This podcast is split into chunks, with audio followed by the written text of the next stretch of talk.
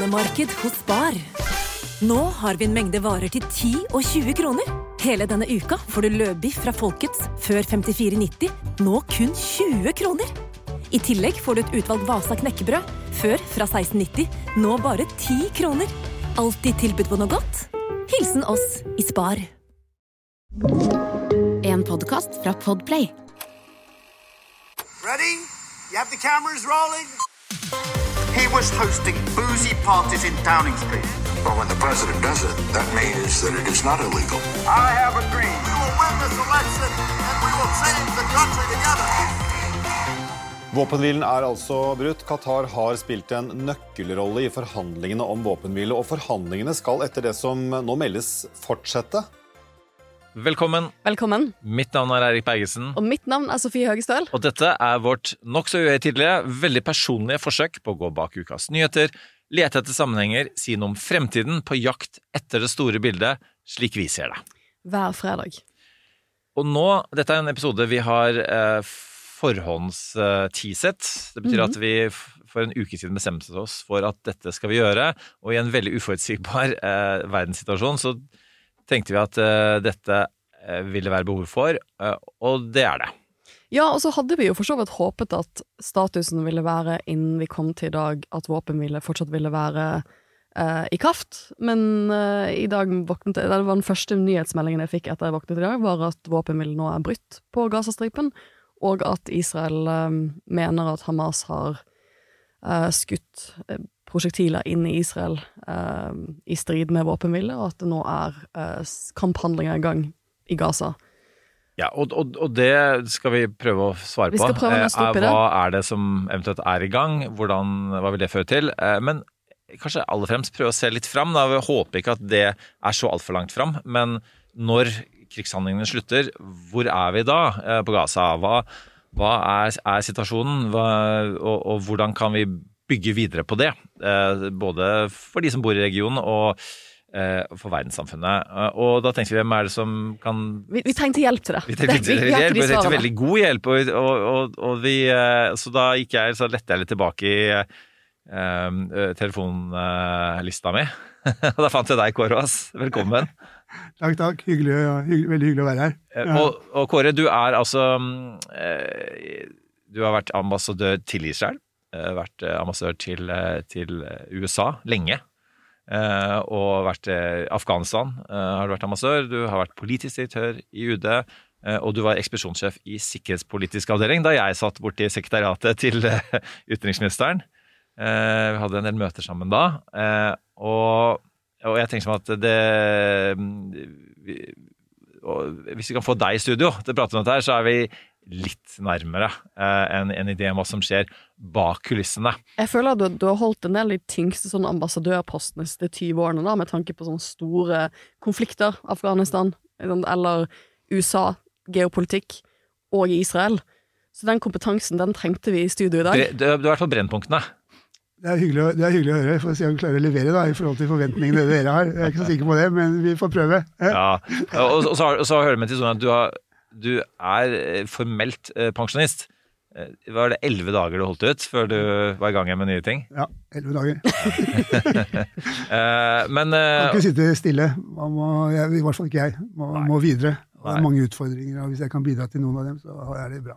Men jeg, må hive inn her, da, bare for at lytterne skal forstå litt bedre. Um, og, altså, da, da, da, da du satt i sikkerhetspolitisk, og da en av de spennende tingene jeg fikk være med på eh, i UD, det var eh, opptakten til Irak-krigen. Da jeg lurer på om eh, jeg tror jeg og, og daværende pressetalsmann eh, Karsten Klepsik var på SMK sånn fem om morgenen, fem til seks. Og så kom, kom du og, og noen andre sånn seks til sju. Og så kom politikerne sju til åtte, så var det noen pressekonferanser og sånt. Og, og, da, og så på et eller annet tidspunkt så, så bestemte USA seg for å gå eh, til krig. De planla det. Eh, og så måtte vi finne ut hva vi skulle gjøre. Og så, og så sa du til meg Eik, du, du kan eh, Du er flink til å skrive og sånn. Formulere ting. Så bli med her. Så satte vi oss i et La oss kalle det et hjørne, da. Og SMK. Så dikterte du, så skrev jeg. Og så skrev vi sammen, jeg huske akkurat den seansen her, men eh, eh, den setningen, som jeg tror er den kanskje viktigste setningen jeg noen gang har formulert, iallfall i min korte diplomatiske karriere, men kanskje noensinne, noensinne. Det var slett bare Slik vi ser det, så finner ikke Norge et mandat for å, folkerettslig mandat for å gå inn i Irak. Men vi utelukker ikke at andre kan komme til andre konklusjoner, gitt at folkeretten er, er, bred og, og vid og, og politisk. Og, og, og med, med det grunnlaget Nå ler folkerettsjuristen her. Du skal, du skal få lov til å svare. Du skal få, du skal få replikk på den, eh, Sofie. Eh, Men, men det poli, realpolitiske i dette her, slik jeg oppfatter deg, var at eh, Jeg, var, jeg, skrev, jeg bare skrev ordene, jeg. eh, Var at vi, eh, vi gikk inn i Irak. Bank i bordet. Nå banker jeg bordet, faktisk. Og, men vi ble ikke altfor dårlige venner med, med USA og f.eks. Storbritannia på bakgrunn av det. Hvordan Husker du den opplevelsen? Jeg husker ikke at vi satt i kroken der, men jeg husker veldig godt, husker veldig, veldig godt opptakten til, til, til Irak-krigen. Og det var jo veldig mye som pågikk mellom Washington og Oslo de dagene i forhold til å skulle bevise for oss og legge frem bevis på at eh, Saddam faktisk hadde masseødeleggelsesvåpen. Og eh, noen av, det, noen av de tingene var jo skrevet på servietter eh, og eh, var lite holdbart, slik vi, vi, vi så det. Og det var en splittelse også i Europa i forhold til hva man skulle gjøre. Og Norge kom jo bra ut, eh, syns jeg, da. Og eh, det har jo alltid vært sånn at eh, det er viktig for oss å holde oss også inne med våre nærmeste allierte. Men det er også grenser for hva liksom, Norge kan finne seg i å være med på, da. Ja, og, um, Det var en bra setning. Ja, Jeg- står- seg fortsatt! Ok, okay så vi, hva, hva tenker du om Nei, jeg- setningen? Jeg, synes det er en imponerende setning. Setningen til meg og jeg- Kåre. Jeg, jeg tror eh, på, engelsk skulle du sagt at 'it's really threading the needle'. Altså, du, du går, liksom- det er virkelig sånn Det er diplomati, det, det. er diplomati. Det er virkelig sånn På den ene siden så mener vi at det ikke er folkerettslig grunnlag, men på den andre siden så åpner vi for at andre, kanskje våre allierte, har andre meninger. På en veldig sånn, ja, diplomatisk eh, Jeg vil si at på den, den, denne tiden her så hadde jeg En av mine sånn største politiske oppvåkninga var å gå i demonstrasjonstog mot Irak-krigen. Um, og jeg tror hvis du studerte folkerett og er på min alder, så har jo den diskusjonen rundt legaliteten til Irak-krigen formet mye av En av de jeg hadde som professor på LSI i folkerett, han hadde vært med å skrive den britiske begrunnelsen. så alt kommer sammen med alt. Um, og det var jo noe han fikk mye tyn for for studentene. Det var jo den, når vi da gjorde maktbruk i folkeretten, så var jo det alle spørsmål Eller alle kom jo på den forelesningen for å stille Vi visste jo at han hadde skrevet en del av den juridiske begrunnelsen, grunnlaget for uh, Storbritannia sin inntokt i den krigen. Men um, det kunne vi snakket uh, lenge om. Um, Men det er. En ting til er jo en observasjon fra den tiden nå, eh, som jeg tenker er veldig relevant nå. Det er jo det at eh, For at da var det jo en eh, eh, Altså var det jo da statsministeren, het Kjell Magne Bondevik, og så var det Jan Petersen som var utenriksminister. Og så var vel Kristin Krohn Devold som forsvarsminister også en sentral skikkelse, vil jeg si. Um, men så var vi, vi var jo kanskje ikke helt sikre på, vi i embetsverket, hvor politikerne kom til å lande her. Til å begynne med, i hvert fall. Eh, og så er det Det jeg husker av dette, er at eh, Uh, mulig at jeg dramatiserer også denne delen av, episoden, eh, Kåre. Men at, at eh, Kjell Magne Bondevik mer eller mindre kikker ut av vinduet, ser eh, over 100 000 demonstranter, nordmenn, går i gatene og sier at vi vil ikke inn i Irak. Og han tenker at folket vil ikke, da skal vi ikke. Um, og, og, og, det, og nå ser vi også et, et, et folk både eh, for så vidt i, i, i Norge, men ellers i Europa, ser i Israel òg, som tenker at denne våpenhvilen det er en god idé. Dette må vi fortsette med. Eh, Hvor, hvor mye For meg var det en sånn lærdom om at, at grasrotaksjonisme, eh, det å si fra, eh, det har noe å si. Ja, sånne som deg skal gå rundt på bakrommet med, med servietter og som etter hvert blir til, til eh, sirlige dokumenter og sånt. Men, men, men det trengs det, at folk sier fra. Det er, det er viktig at politikerne hører etter. Nei, absolutt. Men tilbake til Irak-krigen, så det er ikke noe tvil om at det var en veldig, altså, det var en mindretallsregjering. Hadde ikke så mange mandater i Stortinget. Og eh, det var ett parti som var langt større enn det partiet som hadde statsministeren. Eh, og eh, at det var ulike oppfatninger innad i den regjeringen om dette spørsmålet, det er helt på det rene. Og det er jo liksom, litt, sånn, litt sånn fascinerende å være sånn embetsperson. Man skal jo formulere dette, så det det ender ut med en eller annen konklusjon som hele regjeringen kan stå bak. Eh, Og eh, det tar ofte mer enn en serviett. Det tar, det tar, det tar tid å formulere. Og da må man også kunne skrivekunsten da, for å få det til. liksom.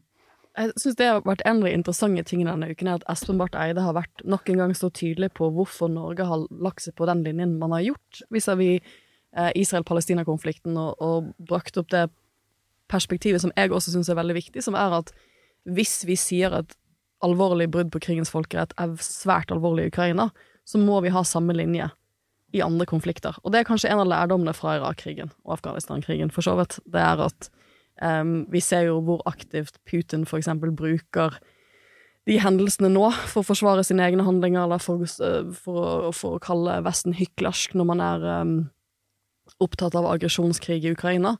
Um, så jeg syns det er sånn interessant å se utenriksministeren ta den linjen, eller være så tydelig på det perspektivet, da, om hvorfor vi har lagt oss utenrikspolitisk på den linjen vi har gjort. Uh, for dette er klart, det, dette er også, dette er, det er også en mindretallsregjering eh, som blir presset av Stortinget, og det, er, og, det er, mye folkelig um, engasjement rundt spørsmålet. og jeg tror nok, når vi satt der forrige uke, så var det jo en del av ekspertene vi kan jo begynne der at utgangspunktet for denne våpenhvilen Det var jeg ikke tydelig nok på forrige uke. Jeg føler at forrige uke var jeg litt rotete. Men utgangspunktet forrige uke var jo at våpenhvile i utgangspunktet var fire døgn. Eh, og så kunne man forhandle videre etter det.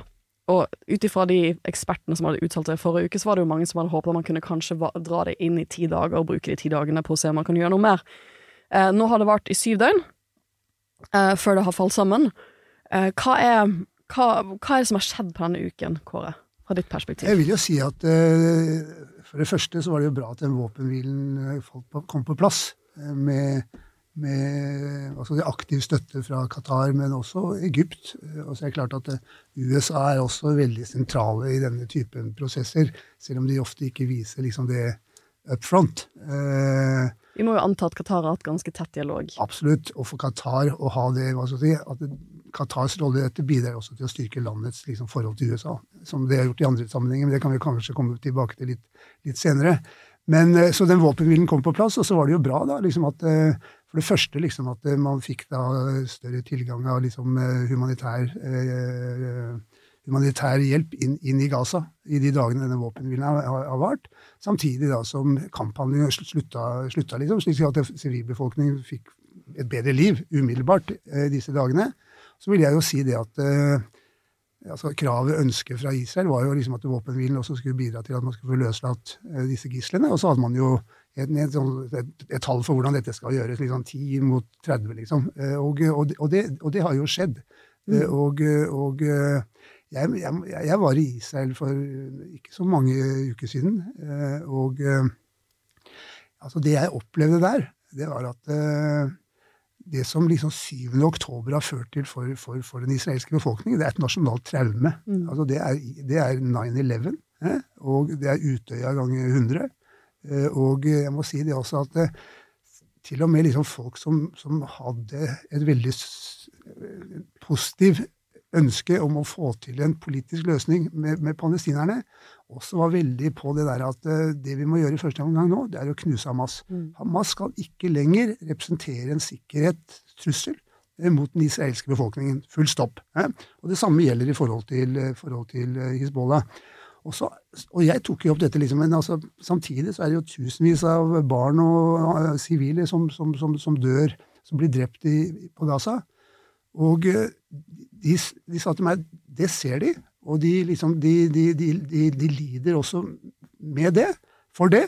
Men samtidig så er liksom det underordna eh, deres Den, den viktige liksom, nasjonale kravet om at Hamas skal knuses. Det var det ene.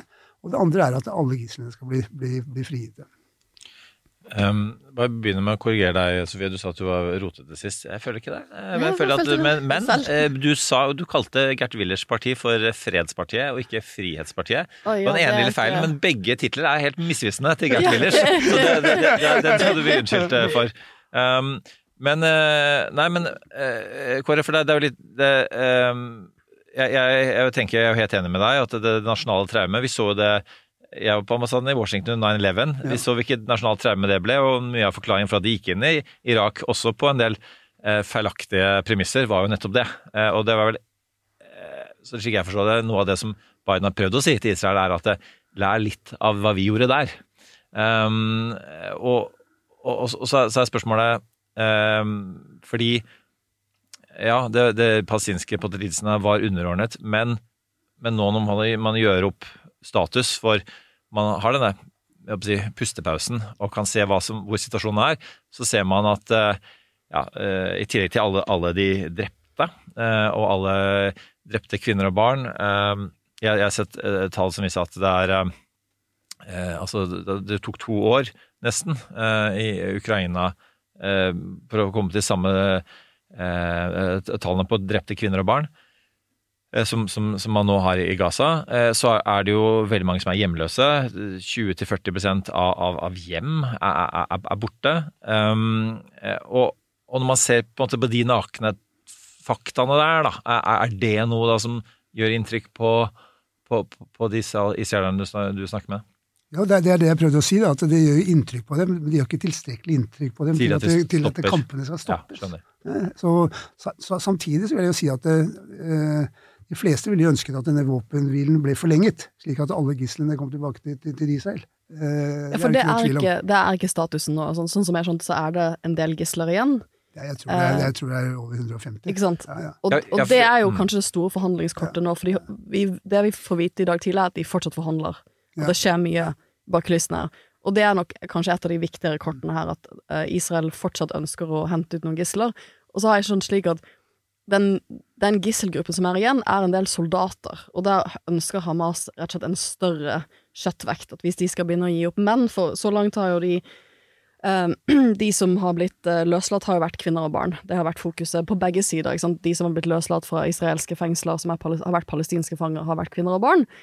Og samme på um, gisselsiden fra Hamas. Men nå er det en del menn som sitter igjen, og da vil jo Hamas ønske å få en større andel folk ut, hvis man først skal begynne å, å eh, bytte på det som da blir mer militære gisler.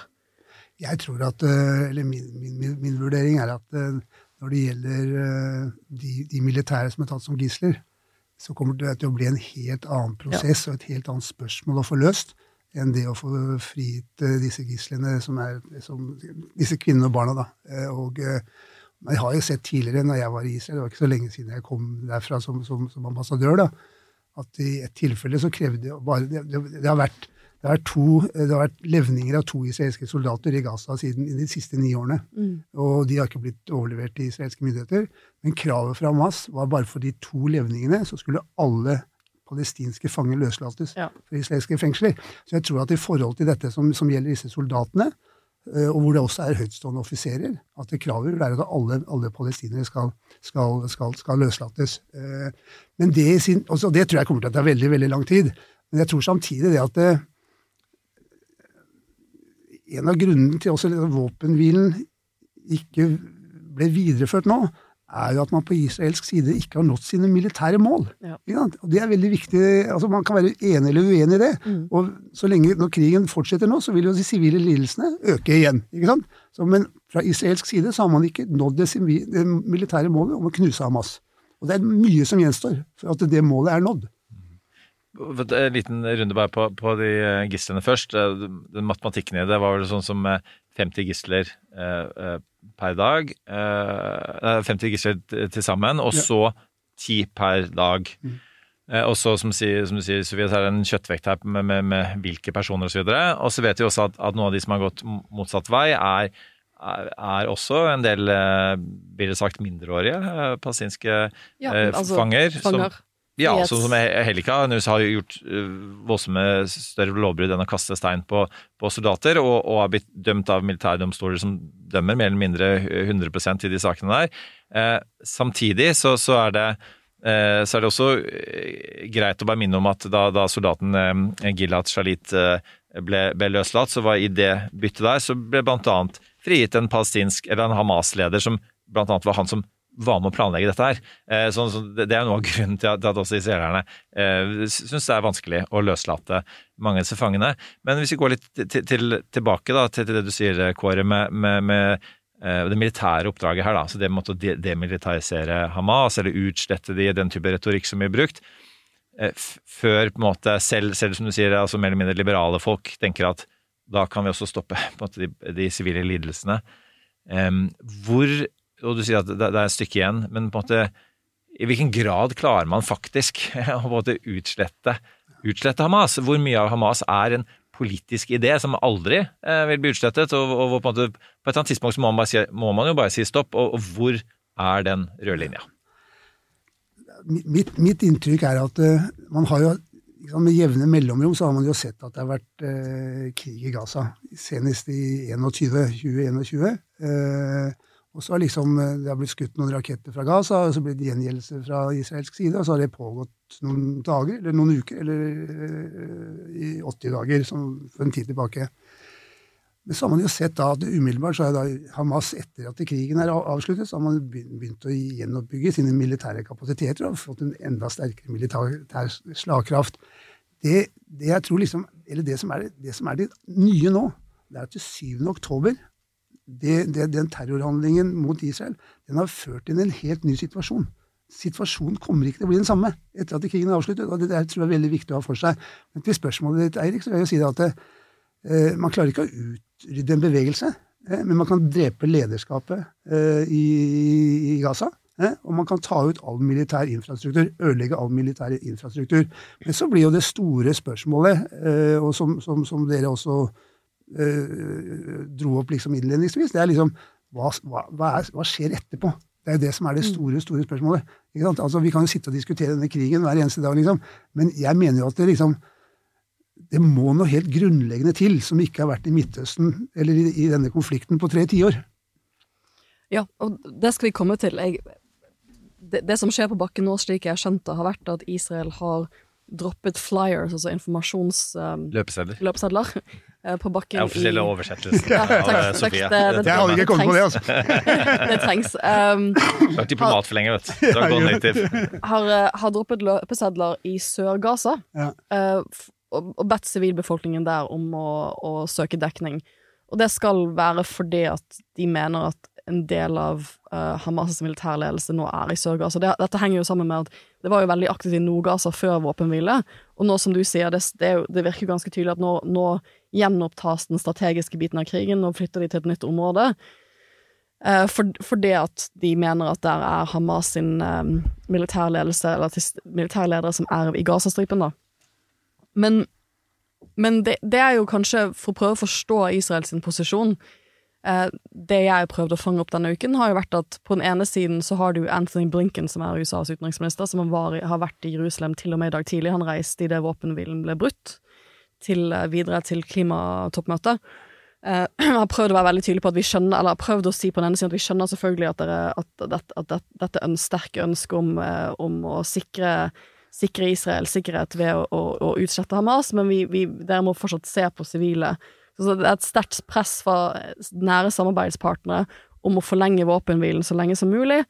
Eh, men på den andre siden så har du en interne politiske forhold i Israel som gjør at eh, noen av regjeringsmedlemmene truer med å gå ut av eller kaste regjeringen hvis Netanyahu ikke fortsetter dette militære, tydelige militære målet. Hva, liksom, hvordan har vi, Hva er hva er krysspresset her som Israel står i? For som du sier, det virker jo ikke som Det virker ikke som utenforstående og kanskje økende vestlig skepsis til handlingene deres har så mye å si, men dette overordnede militære målet er liksom det altoppslukende fokuset etter dette nasjonale traumet, som du kaller det. Jeg vil jo si det sånn, Sofie, at, eh, at uh, fortsatt så opplever jo Israel at de har USAs fulle støtte. Eh, i sine militære operasjoner i, i, i Gaza. Eh, og, eh, og, det er jo egentlig bare USA som kan stoppe Israel fra å fortsette, fortsette krigen. Så det er liksom den ene, ene, ene biten.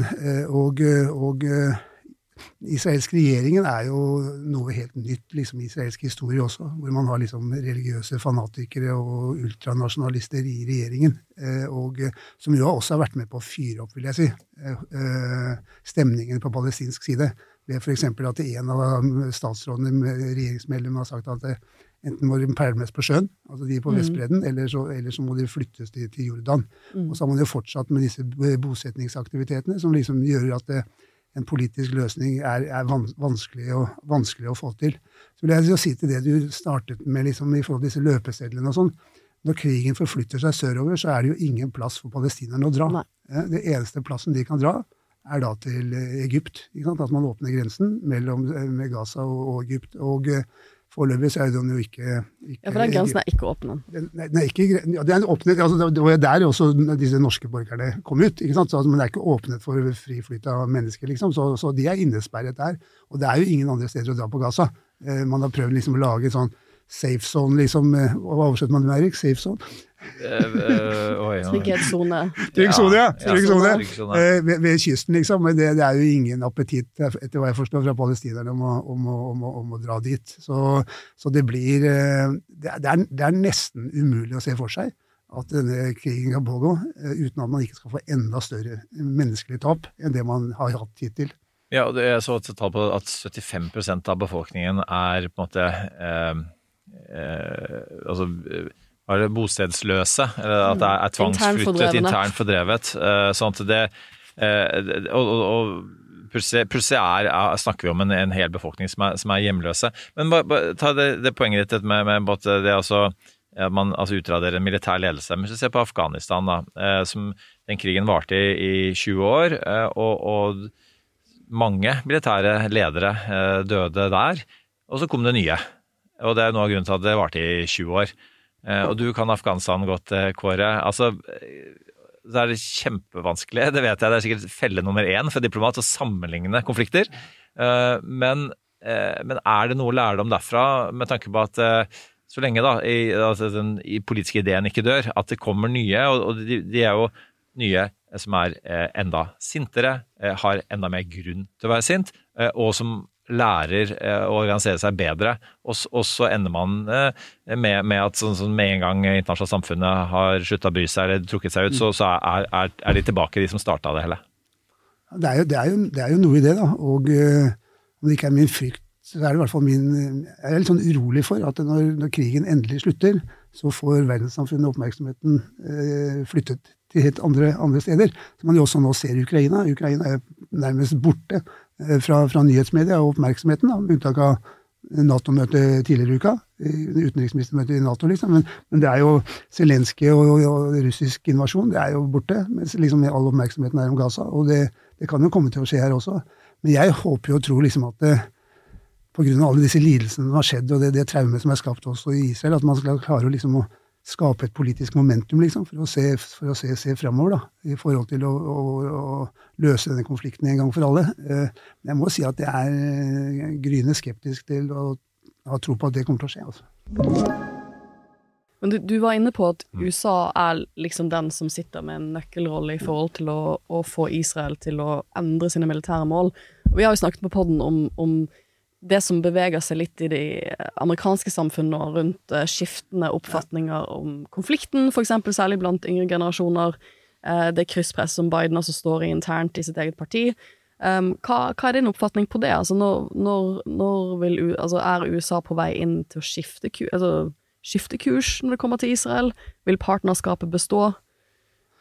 Eh, forholdet mellom USA og Israel vil bestå. Eh, Israel er USAs absolutt viktigste allierte i, i Midtøsten, og også den tyngste militære slagkraften i den regionen. Så det, det vil bestå. Og så har man jo hele, liksom, hele relasjonen i forhold til den, den jødiske befolkningen i USA. Sånn, så, så det er ikke noe tvil om. Eh, når det er sagt, så, så ser man jo nå, som, som du, du viser til, liksom, at det er jo splittelser innad i, i Det demokratiske partiet i forhold til den, den støtten som, som Biden har vært så eksplisitt med helt siden dag, fra dag én. Eh, Og eh, så ser man også liksom at, eh, at ungdom da, eh, er frafallende i forhold til, eh, fra forhold til liksom Biden som, som, gjenvalget av Biden. da. Så, men så er det jo også det å si, da, det vet vi alle tre, liksom, at eh, november eh, 24 er ikke november er eh, eller 1. desember eh, 23.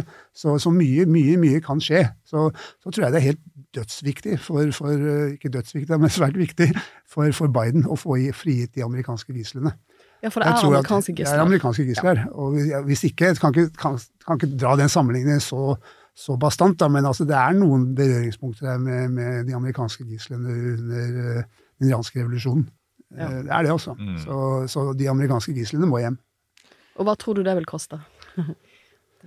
Nei, Jeg vet ikke hva jeg vil tro det vil koste, men det, det har jo en sammenheng liksom med at eh, man, man får en varig, varig, varig fredsavtale. Da. Nei, jeg mener eh, våpenhvile, Mm. og at den blir permanent. Det må jo være en av grunnleggende forutsetningene. Det kan jo også skje at disse gislene blir frihet som en del av en midlertidig våpenhvile som kommer kanskje om noen dager eller uker. da. Nå fikk jeg enda et påskudd til å koble på en eh, amerikansk eh, relasjon, fordi én en ting er 9-11, I was there. Eh, I, i, altså iranske revolusjonen og gislene. Jeg var, jeg var hjemme bodde jeg ikke i Washington da altså. Da var faren min eh, på ambassaden. Jeg husker jo, jeg husker vi traff jo faktisk en av de, en av gislene var norsk-amerikaner. Traff han på flyplassen eh, tilfeldigvis en, en, en gang. Og, og klart at det var jo mye av det som førte til at eh, Carter måtte, må, altså tapte valget, ikke sant, som vi, som vi vet. Eh, Carter som nå er veldig gammel. Kona hans døde eh, denne uka, og nå har han vel ikke lenge igjen, han heller. Eh, Og kan- det kan vi komme inn på etterpå. Hans altså Camp David og hans store idé om å faktisk ha en gang for alle mer eller mindre få fred i, i Midtøsten, det fikk han ikke til. men han fikk til veldig mye. Um, eh, det første på en måte arabiske landet, Egypt, som anerkjente Israels eksistens. Men, eh, men, men litt på dette med, med USA, fordi det vi har sett i Kongressen i det siste Du har sett eh, Bernie Sanders. Eh, han har sagt at eh, amerikansk støtte liksom, Man snakker om conditional eh, aid. Ikke sant? Man skal gi støtte, ja, men det, det, har noen bindinger ved seg. Eh, og Bernie Sanders mener at, at den ene bindingen bør være at, eh, at Israel må støtte en palestinsk stat. Og så vet vi at Netanyahu sier at samtidig går rundt blant annet disse regjeringsmedlemmene du nevner, eh, de ultraortodokse og konservative, og sier at han er, han er den ene som kan garantere at det ikke skjer. Eh, og så ser vi eh, Det var Betty McCullin fra Minnesota, kongressmedlem, som sa at, at en av betingelsene bør være at man, Israel kan ikke arrestere mindreårige. Eh, og så er det en tredje også som jeg tenkte skulle nevne, det The Leahy Law, som sier at, eh, at eh, ingen amerikansk støtte, eh, humanitær støtte, skal, eh, skal gis hvis det er menneskerettighetsbrudd, og at det er noe man må eh, kunne rapportere til Kongressen om, om, status på. Eh, Så alle disse tingene spiller jo litt inn på den diskusjonen som er i USA nå, som er på en måte ok, kan vi sette noen betingelser? Mm. Og du, du, sa, du kalte støtten i stad for full støtte. Altså, kan man gå fra full støtte til en eller annen type betingelser fra amerikansk side? Ja. På et eller annet tidspunkt så tror jeg liksom Washington kommer til å si til eh, Jerusalem, da, til Netanyahu og hans regjering, at det, nå er, nok er nok. Nå, nå, nå fortsetter vi ikke krigen lenger. Eh, Og eh, så vil jeg jo tro at liksom kalkulasjonene på, på israelsk side er jo da liksom at eh, få til mest mye, før, mest, mest mulig, før det kravet kommer fra, fra, fra amerikansk side. Eh, Og eh, jeg tror jo liksom at eh, de neste tolv månedene kommer man til å se store endringer i amerikansk utenrikspolitikk. Eh, også i forhold til eh, Midtøsten, men særlig i forhold til Ukraina. Jeg, jeg, eh, man har jo allerede sett at det er en svekket oppslutning om Ukraina-støtten i, i Washington, og, og, og, skjer det også. Og jeg, vil tro at det tiltar frem mot, frem mot valget i november neste år. Og da tror jeg også liksom det også kan liksom få store konsekvenser for den europeiske støtten til, til Ukraina. Det er et annet spørsmål, men det er viktig å ha med seg også i, i, i denne sammenhengen her. Altså. Og så er det jo klart det at når det gjelder liksom videre liksom støtte til Israel etter krigen, så det er mulig liksom at noen av de der forutsetningene, vilkårene som du drar opp, eh, Eirik, kan, kan, kan komme på plass, liksom. Men det vil jo være en del av liksom budsjettbehandlingen i, i Kongressen, da. Det vil jo det. Jeg tror at det, det, det viktigste nå, mener jeg, og det er litt sånn Sofie var inne på, ikke at jeg ikke syns det du sier, Eirik, er viktig, men det går jo liksom på det, det, det, liksom, den amerikanske befolkningens støtte til enten Biden eller Trump. Eh, eller ingen av dem. Eh. Ja, for du har jo også vært ambassadør i USA. Og hva tenker du om eh, USA-valget til neste år? Det, det, det Altså, amerikanske valg er jo alltid viktig for Norge, men jeg tenker den utenrikspolitiske situasjonen som vi befinner oss i nå i 2023 og 2024, så vil det ha veldig mye å si um, hvem som skal um, om, det, om, den, om den amerikanske presidenten vil hete Biden eller Trump, er en ganske stor forskjell. Nei, Det er klart at det er det, og vi husker jo alle 6. 6. 6. januar, eh, hvor jo hele det amerikanske demokratiet sto og skalv. eh, Og eh, jeg må si at eh, jeg har aldri trodd at man skulle oppleve en sånn situasjon i, USA i, i moderne tid. Eh, Og, eh, og, og, man ser jo liksom at det fortsatt er jo støtten til Trump veldig veldig sterkt. Så den der polariseringen, den todelingen av den amerikanske befolkningen, er jo fortsatt, gjør seg jo fortsatt gjeldende. Eh, Og eh, jeg, jeg, Da jeg dro, så jeg, hadde jeg håpet liksom at man skulle få til en nasjonal forsoning, Ja, for var, i USA. når var det du dro fra Jeg dro i september eh, 20. Ja. Ja, hadde, jeg var, var sju år. Så jeg var det veldig lenge. Da var det masse med Obama og, og med, med Trump. Så du, du nevnte jo, Sofie, refererte til Tony Blinken. Jeg må si at Tony Blinken har vært hjemme hos meg og spilt i band.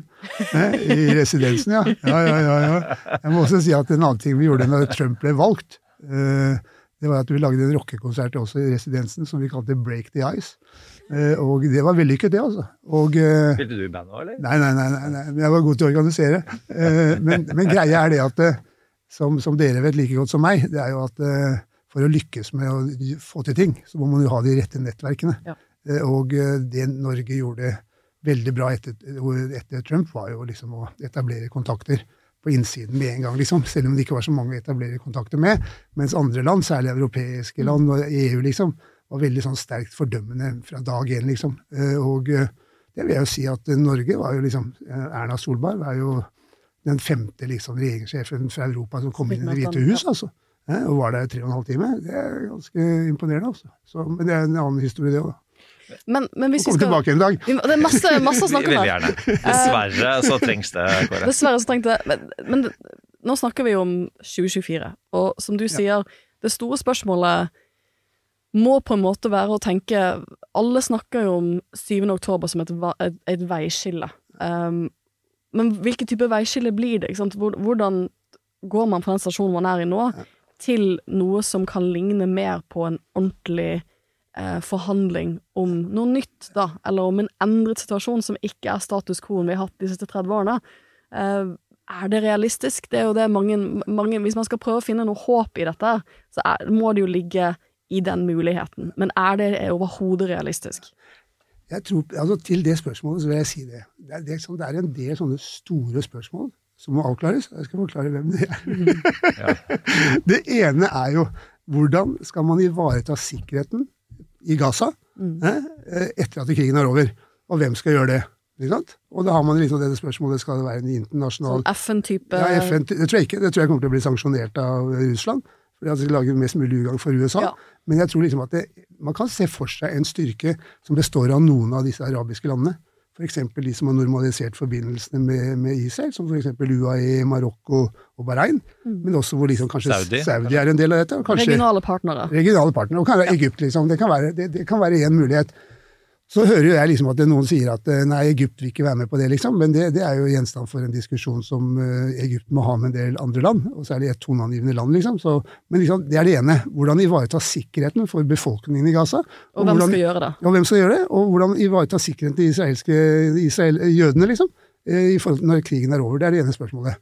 Og så er det andre store spørsmålet. Det er hvordan dette skal gjenoppbygges. Hvem er det som skal forestå den gjenoppbyggingen? Dette må jo bygges opp igjen. Og aldri har jo Gaza vært så smadret, og hvor all infrastruktur, sykehus, moskeer, veier, alt er jo ødelagt. Eller i hvert fall veldig, veldig mye. Og hvem skal stå for den, den, den Hvem er det som skal stå for den innsatsen? Hvem skal lede den, og hvem, hvem skal betale for dette her? Og Da har jo Norge liksom i mange år vært sånn ledet noe som heter giverlandsgruppen. Så jeg vil tro at eh, det, det vil være ønskelig for Norge å prøve å påta seg en sånn rolle. Men jeg er helt sikker på også at det er andre, f.eks. EU og britene, som kanskje også kunne tenke seg å se på noe tilsvarende og ta den, ta, ta den lederrollen. Liksom lede et gjenoppbyggingsprosjekt, da. ja, ja. Og det tredje store spørsmålet, det er liksom hvordan skal man komme til en politisk løsning? Og, Så sikkerhet, gjenoppbygging, og så politisk løsning. politisk løsning. Eh, og eh, jeg, jeg, jeg, min, det jeg, jeg har sagt lenge, at det første som har skjedd, ikke nå, men liksom et år eller noe sånt, så må jo palestinerne få velge sine egne ledere gjennom demokratiske valg.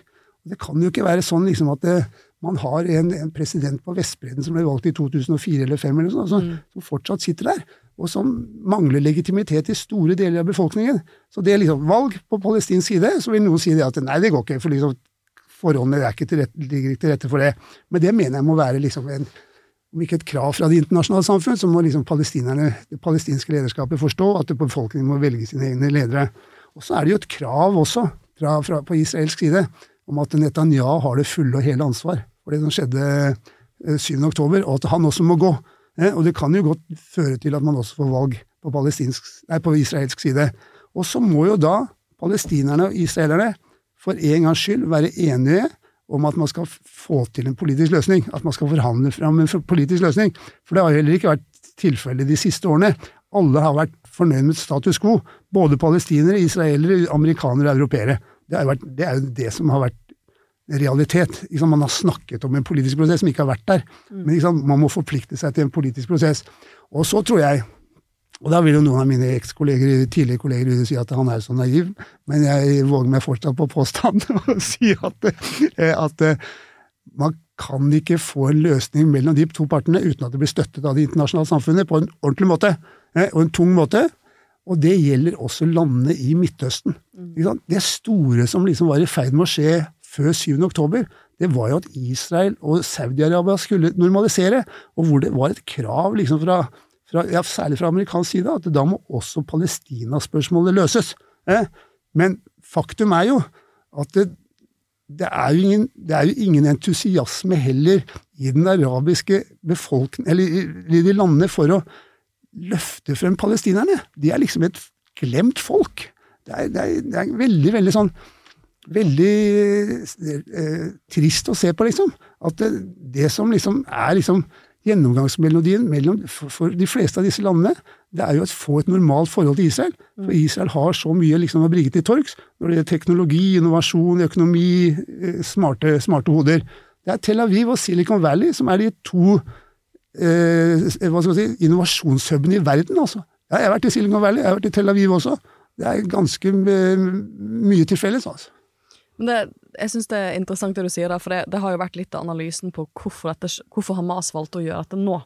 Det har jo vært at disse normaliseringsavtalene har gjort at hvis Saudi-Arabia og en del av de arabiske partnerne eller landene ikke løfter Palestina-saken når de normaliserer, så er for, da, da er de spilt helt på sidelinjen.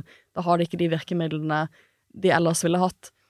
Hvordan står de igjen da? Men jeg syns det er også interessant at du sier at du tenker at for, en sånn politisk prosess forutsetter egentlig nye parter på begge sider. At palestinerne får velge ny ledelse, og at Netanyahu antageligvis ikke kommer til å overleve dette politisk, som kanskje vil fordre en ny runde med valg. For det har vært mange valg i Israel. Ja, absolutt. Og han er jo en, en politisk ringrev. Han er Israels smarteste politiker. Han har jo fortsatt flertall i, i kneset, så det kan jo godt være at han overlever politisk. Men det jeg glemte å si i forhold til disse, disse hovedspørsmålene jeg ramset opp, det er at man kan, vente, man kan, ikke vente, med å ta stilling til de spørsmålene til krigen er over. Mm. Man må begynne å jobbe med de spørsmålene nå systematisk. Det er veldig viktig. Og det håper jeg man uh, også gjør her vi sitter. I Oslo, mener jeg. Ja, ja. man kan liksom ikke vente på at det skal bli et våpenhvile og liksom pause, og så få ting litt på avstand. Man må jobbe med disse løsningene nå. Ja, hvordan, det store spørsmålet er hvordan komme fram til en tostatsløsning. Mm. Nå kan man bare si at man skal ha en tostatsløsning. Eh, men hva er veien dit? Eh, og liksom, hvordan, skal man knekke dette på plass? Det er det som er det store spørsmålet. Og det er ingen som har svaret på det, men altså, hvis man bringer noen kloke hoder sammen, så kan man komme på noen ideer. Og jeg har alltid sagt liksom i min, eh, min tid i, i UD, da, alle de årene jeg var der, det er liksom at det, norske kvinner og menn tenker i hvert fall like bra som altså Ti norske kvinner og menn tenker i hvert fall like bra som 100 amerikanere. Det mener jeg, altså. Ja, det mener jeg. Og det er jo hele tiden så går det liksom på å komme frem til noen initiativ, noen ideer, noen forslag til hvordan ting skal tas videre. Det er jo det som er helt avgjørende når man skal drive med norsk utenrikspolitikk.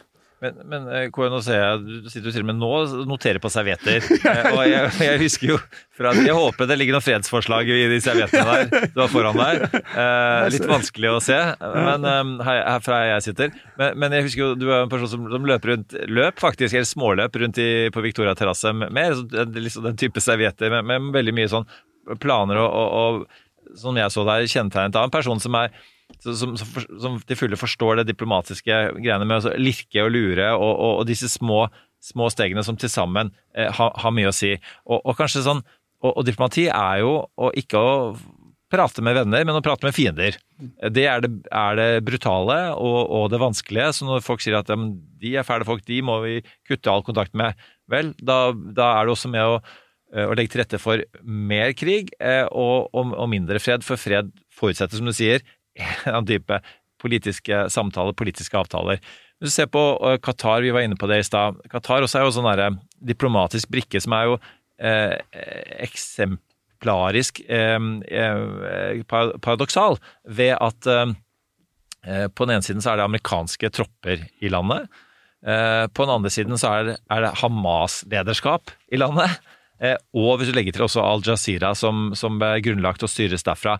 Eh, eh, og dette lille landet blir jo da dermed en, en brikke som eh, er en brikke, fordi de snakker med tilsynelatende med, med alle. Og USA, ja, de er, de er avhengig, altså USA er avhengig av den tette kontakten med Israel for å være med å påvirke dette, men de er også avhengig av tett kontakt med Qatar for å gjennom de påvirke Hamas.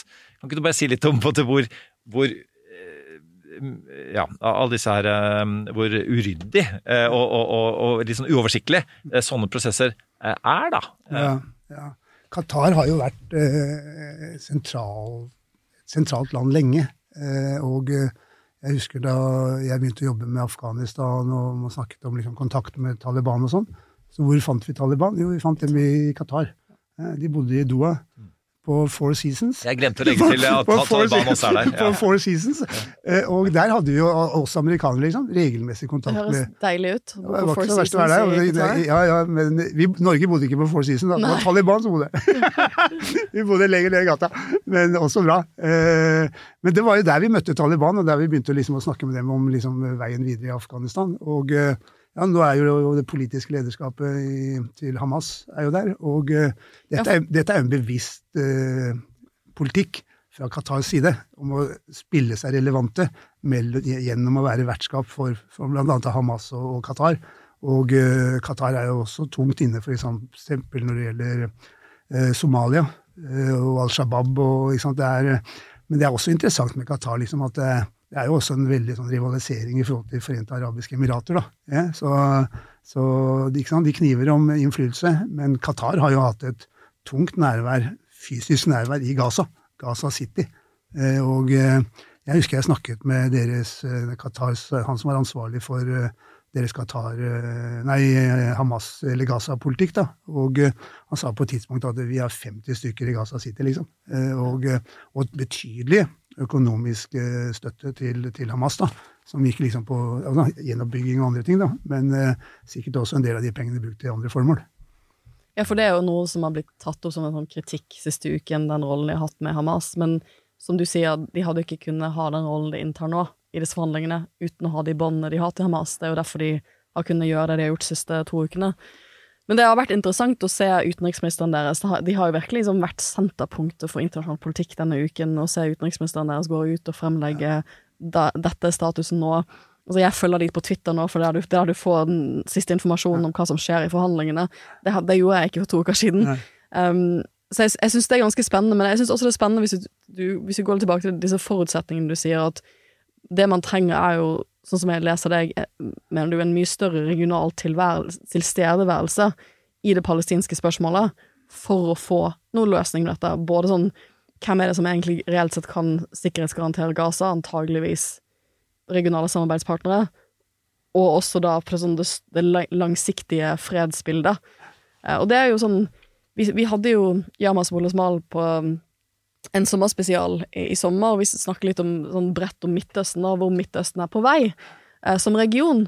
Og det ville jo også vært en fjær i hatten for en del av disse større partene, skulle man tro, hvis man ville kunne, kunne innta en sånn type rolle det, i, i det internasjonale samfunnet eh, fra et sånn regionalt perspektiv, da. Eh, hvis, man kan, hvis man skulle kunne greie det å vise at man, man, man kan være en eh, naturlig samarbeidspartner for å sikre fredelige forhold på Gaza, eksempel, eller eh, for å dytte en fredsprosess i riktig retning. Det er, jo, det er jo sånn type ting man vinner Nobels fredspris for å gjøre. På Det, er- sikt. det er jo veldig mye positivt som har skjedd i Midtøsten de siste, siste par årene. Eh, blant annet denne avtalen mellom Saudi-Arabia og Iran, som ble tilrettelagt av Kina. Stor greie. Veldig. Så ser man jo også at eh, Iran og Egypt har jo fått et bedre forhold enn de hadde. Tyrkia og Israel eh, fikk et mye bedre forhold enn de hadde. Sendte ambassadører hit og dit. Syria tilbake i den arabiske liga. Eh, våpenhvile i Jemen. Så det er veldig mye som skjedde som, som gikk i, retter, i riktig retning, samtidig som man hadde normaliseringsavtalene mellom Israel og, og disse tre landene som jeg nevnte, og hvor det var gode utsikter liksom, til at Saudi også ville normalisere, eller Israel og Saudi ville normalisere. Så det var veldig mye positivt på gang. Eh, men noe av dette har jo nå blitt eh, delvis smadra. Men jeg, min, min, min vurdering er at uh, i hvert fall Saudi-Israel kommer på plass igjen. Eller den prosessen kommer på plass igjen. Uh, rimelig raskt, vil jeg tro. Og MBS, som er uh, sjefen i Saudi, han er en konge da, som er faren hans, men, men han, han, styrer. og han er veldig veldig interessert i dette. Og det er, var jo også veldig påtagelig hvor mye den amerikanske administrasjonen ønsket å få en sånn avtale på plass før liksom, den altså, valgkampen starter for fullt i USA, i USA neste år. Så, ja, For dette er jo viktig ja. sånn på sikt også for USA ja. i regionen. Ja. Men når det er sagt, også, vil jeg jo si at det som også er liksom et, et, et, viktig trekk ved utviklingen i, Midtøsten, er jo Kinas innmarsj. Eh, og Kina er jo nå den største økonomiske handelspartneren til, til mange av disse landene. Og, og, større enn USA. Større enn USA, ja. Og Hva tenker du er fordelene og ulempene med det? Eh, altså Kina gjør dette ut fra behov for bl.a. Eh, olje og gass fra, fra, fra, fra Saudi. Eh, og eh, så har man jo også vært, så er også kineserne tungt inne på en del infrastrukturprosjekter, men der har man jo hatt denne, denne dialogen da, mellom USA og, og, landene i regionen. Så at man ser en form for uh, stormaktsrivalisering i Midtøsten, som man ser andre steder, det er jo ikke noe tvil om. og dette har jo også å gjøre med dette kinesiske Belt and Road-initiativet. ikke sant, om at uh, bygge, bygge, bygge, bygge, bygge relasjoner. Eh, så må man jo også ta i betraktning liksom at det, i motsetning til amerikanere som har en sånn fireårssyklus på hva de holder på med, så er kanskje kineserne 400 års perspektiv. Og det er jo også en, uh, viktig å ta med seg da, når man vurderer liksom utviklingen i ulike regioner, inkludert i Midtøsten. Det kan til og med være en, en fordel eh, å, å, å, tenke langsiktig i, i, sånne regioner versus USA, som hele tiden må tenke på eh, altså velgerne, og ikke minst denne, denne evige støtten til, til, Israel, som da kan jo velte, mm. velte en ved, ved, valget. Men så ser vi også at, at til og med altså for sterk støtte til Israel kan jo være noe som velter Biden. Og for å være litt konspiratorisk her, da, når vi ser fram til 2024 eh, Netanyahu og Trump er, ligner hverandre på mange måter. Eh, ikke sant? Og de, de, har jo litt samme type retorikk, med, med at, at, valg er blitt stjålet fra de, at, at, at eh, både dom... straffesaker. I de samme straffesaker. altså De, de, de er bokstavelig talt partners in crime, i den forstand at man, eh, hvis man litt kynisk kan si at de, de, de søker politisk makt nærmest for å holde seg unna fengsel. Men jeg er tilbake til det konspiratoriske. Altså, kan det være at, at Netanyahu mer eller mindre sitter og venter og håper, i likhet med kanskje en Putin, på at Trump er tilbake ved makten, så at han får større frihet til å gjøre det han selv ønsker å gjøre? Jeg tror, jeg, jeg, altså, Netanyahu han, han, jeg tror ikke han kan vente til eh, november neste år, eller januar eh, 25. Han, han, må løse sine, de utfordringene han har nå, liksom. Og, eh, og at det er eh, Altså, det er et stort folkelig krav i Israel at, at statsministeren må ta følgende. At han ikke så dette komme. Mm. Og, så det blir veldig interessant å følge tiden fremover. Altså. Og man kan jo se for seg en helt ny liksom, regjeringskonstellasjon i, i, Israel, eh, som også er et flertall i, i parlamentet, som består liksom av sentrum, høyre og deler av venstresiden. Ja, altså, i, i, dystre tider så, så, dukker det opp en eh, kan det dukke opp en Zelenskyj eh, og en, en, Mandela kan bli løslatt fra fengselet og spille en rolle. Eh, og, og den, den, den, personlige eh, dimensjonen den skal man aldri underkjenne, ikke minst i diplomati, som dreier seg om personer som skal, skal møtes og, og spise noen kanapeer og prate sammen på, i et hjørne, som vi snakka om i stad, eh, Kåre. Men eh, altså, hva, hva, eh, Det snakkes om en sånn en, en Benny Gantz, som jo er, er, tidligere general og tidligere forsvarsminister, som representerer noe nært noe sentrumsorientert i Israel, som, som er en mann som mange ser opp til, som har ekstremt høye Um, eh, altså popularitetsmålinger, i motsetning til, til Netanyahu. Er det folk hos altså israelsk lederskap da, eh, som, som, som, har det som skal til for å tenke nytt, som du sier her? Tenke kreativt, tenke annerledes? Eh, det, det, har de sikkert på visse områder. Faren er jo at, eh, er jo at interessen for å faktisk få til en endelig løsning på palestinerne ikke er der. Og, og, men om den skulle være der, så innebærer, det samtidig at man må foreta store liksom, forflytninger av de 700 000 bosetterne som ja, bor på Vestbredden. Så man har liksom på mange måter laget et sånn de facto uløselig problem. Mm. Så For, for et folkerettslig perspektiv, da, det, det, den bosettelsespolitikken, den eh, utvidelsen av bosettelsespolitikken de siste fem-ti årene, det har jo vært noen grunnlag for at uh, Israel har fått mer kritikk i, i FN, eh, og ikke minst for Den internasjonale straffedomstolen er jo etterforsker jo det å flytte eh, sin egen sivilbefolkning mens du tvangsflytter ut en annen sivilbefolkning eller den, den, det området, eller sivilbefolkningen til det området du okkuperer, det er jo definert som en krigsforbrytelse og en forbrytelse mot menneskeheten eh, under eh, ro, altså, reglene til internasjonale straffedomstolen. Så dette, noe, dette, dette har jo vært et spenningspunkt lenge, dette er jo noe de har sett på i noen år.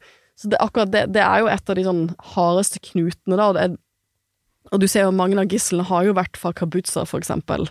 Så det, dette, dette er jo en vedvarende spørsmål. Hva skjer med bosettelsespolitikken? Og det, det unner jeg ikke diplomater som skal prøve å komme seg rundt. Jeg vil jo si også det at eh, Det har vi ikke diskutert ennå, men eh, Vestbredden er jo en udetonert bombe. Ja, man ser liksom tilløp til, sånn som man så i går, liksom, at eh, noen, noen, noen israelere ble drept i Jerusalem. Eh, men motstanden liksom mot uh, president uh, Abbas og han regjering er jo vokser for hver dag som går. Eh, man ser liksom frustrasjon på Vestbredden liksom, i forhold til hva som skjer på Gaza. Eh, samtidig som man har en splittelse blant det palestinske lederskapet om hvem som skal være fremtidige, fremtidige ledere. Så, så, så, vi kan ikke utelukke at liksom, volden på Vestbredden eh, vil øke også i dagene som, som kommer. Og det kan jo også lett bli uhåndterbart. Samtidig som man ser at deler av denne bosetningsbevegelsen er jo veldig militante. Da? Og går jo etter sivile palestinere på Vestbredden eh, med våpen. eh, For å fordrive dem vekk fra, fra landområder de har, liksom. Så det er, eh, det er, det er veldig veldig foruroligende også, det som skjer på Vestbredden. Ja, og det er vel en av de tingene som, som altså Når vi snakker om betingelser, en av de tingene som Blinken også eh, sier allerede nå, er at, at, at støtte kan ikke gå videre til, til eh, altså illegal eh, bosetting og måte paramilitær virksomhet fra, fra bosetterne. Eh, Men vi, vi nærmer oss Vi slutten må begynne å lande. Eh, Men eh, du har fylt hodet mitt med så mange nye perspektiver, Kåre, at jeg skal fordøye dette resten av dagen. Jeg skal, åpne, jeg skal åpne en siste dør allikevel, og jeg skal nok en gang gå imot det som jeg sa i stad, som man skal prøve å unngå, nemlig at, å sammenligne med andre, andre konflikter. Men hvis du ser på en, en som er sånn fristende og også trekke lærdom av, er jo er Kosovo. Ikke sant? Hvor, hvor, hvor du, du eh, man, man etter, etter krigen der med, med Serbia eh, og Da hadde man jo også en eh, ja, en type gerilja eh, i, i, Kosovo, som, som da ble sittende med, med ansvar for landet, og så eh, fikk man til en avtale som innebar at de eh, demilitariserte, eh, at EU gikk inn med en eh, sikkerhetspolitisk eh, operasjon, eh, EU-pol eh, Kosovo, eh, og at man da parallelt anerkjente Kosovo, men endte opp, og det er fortsatt en dag i dag, at ikke alle EU-landene anerkjenner Kosovo som stat, men alle EU-landene var med i den operasjonen, og dermed ga den eh, legitimitet. Så vet vi at, at det, er- ulmer litt der fortsatt nå om dagen. Men eh, er, er, det noe, er det noe lignende vi, vi kan se for oss? Er det en lærdom som vi kan tenke at, at, at, at Gaza, Palestina, kan være i nærheten av å eh, nærme seg? Ja, Kosovo og Serbia var, var jo en veldig spesiell situasjon også. Han, Eirik skryter av EU. Jeg skal fortelle en annen jeg gang. si Jeg skulle fortelle en annen gang. det. Det, det, jeg skal fortelle en annen gang var liksom, hvem var det som faktisk bidro her. Og det var jo i aller høyeste grad Norge. Eh, Og eh, med, med nåværende statsminister Støre og også Espen Barth Eide på den tiden, liksom. Og det var mye morsomt som skjedde der også. Eh, Hvem var de første som brakte de to lederne sammen? Det var Norge i Roma. Eh, Men det tar vi en annen gang. Da- kom jeg ut med hemmeligheter da, som jeg ikke skulle gjøre. Det var nettopp det du skulle gjøre. Men lærdommene, lærdommene er at det er en rolle også for Norge. Ikke sant? At uh, Norge vi har spilt ofte en viktig rolle, og det kan vi også gjøre i framtida. Men vi må gripe muligheten, og vi må tenke gjennom hvordan vi skal gå fram.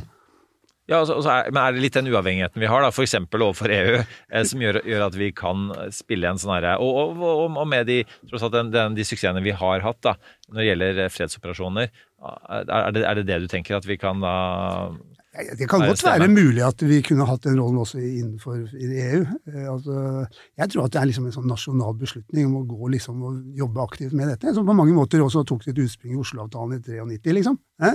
Altså, liksom, som også liksom var en sånn prosess, da. Og, men jeg må jo si det at eh, alle regjeringer siden, alle politiske ledere siden, har jo liksom ønsket at vi skal gjøre dette her. Og det jeg opplevde liksom da jeg var i, var, var, var, ja, i den tiden jeg har vært i UD, men også de, årene jeg var i USA, liksom, er at det, man fikk utenriksministre over til Washington for å snakke med sin amerikanske kollega. liksom, og trodde han skulle snakke om Russland og skal snakke om Nato og sånn. Det første man begynte å snakke om, var Taliban. Altså Afghanistan, og man snakker om Irak, og man snakker om Serbia og Kosovo. Og så kom liksom Nato og de tingene etterpå, liksom. Men, eh, men at det har liksom vært en, den, den biten av norsk utenrikspolitikk som liksom går på, har gått på fred og forsoning, at den har gitt en inngangsverdi som er langt høyere enn enn de, de fleste andre europeere, det er jo helt på det rene. Og det har vært interessant å liksom oppleve det også, og på nært hold. Og, og den er ikke borte. Den er ikke borte i det hele tatt. Det må vi snakke mer om. en Og der er det noen tidligere kolleger av oss der borte som er glad for å høre deg si, og for at jeg nikker, eh, nikker selv om ikke de hører at jeg nikker, eh, til, til nettopp det. Så eh, med det, Kåre, så Med det, Kåre, så går vi på ukens av- og påkobling. For vi må koble av og på denne uken også.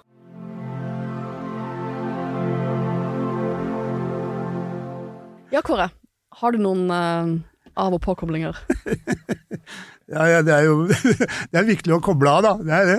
Eh, og eh, det store nå, vet du, for meg Jeg vokste opp på Tøyen i Oslo. Eh?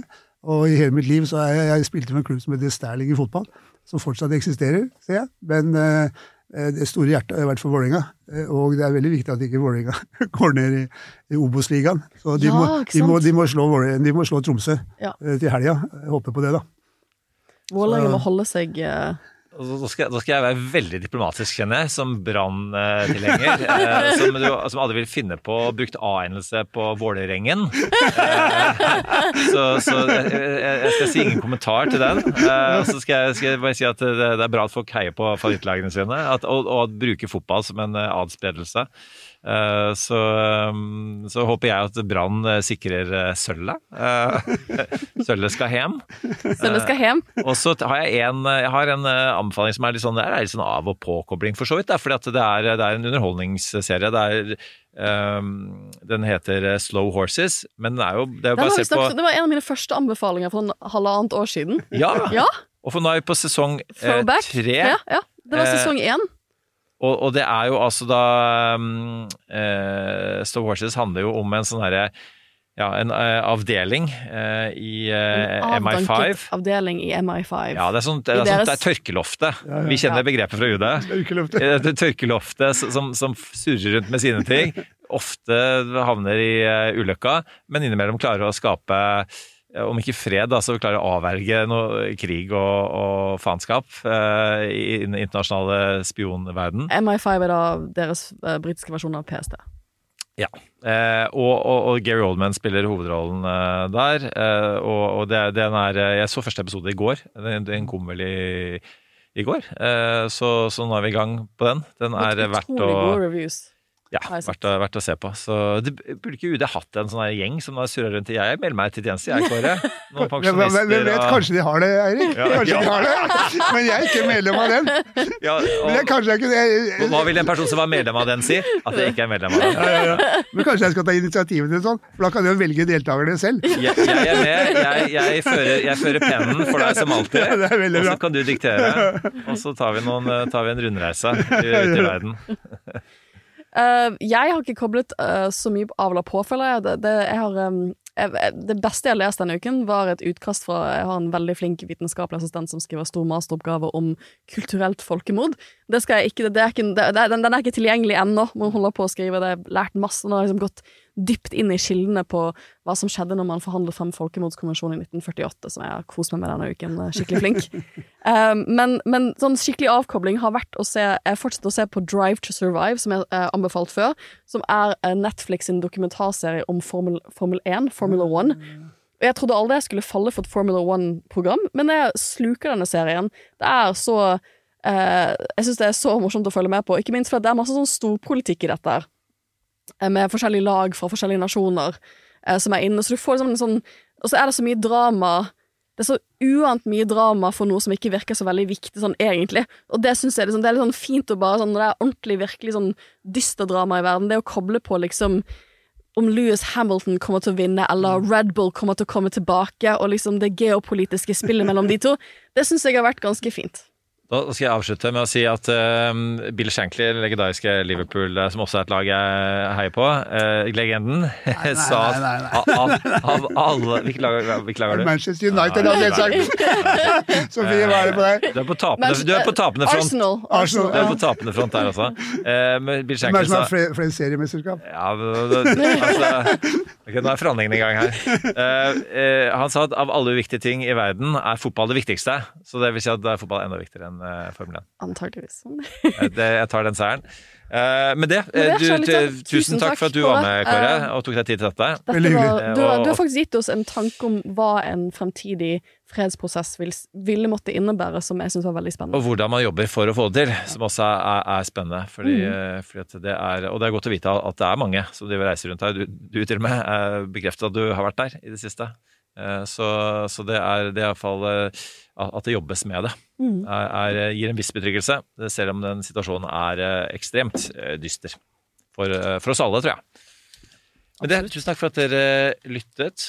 På gjensyn neste uke. Og ha en flott eh, helg, og komme neste uke. That's enough. Put down the mic. Du har hørt en podkast fra Podplay. En enklere måte å høre podkast på. Last ned appen Podplay, eller se podplay.no.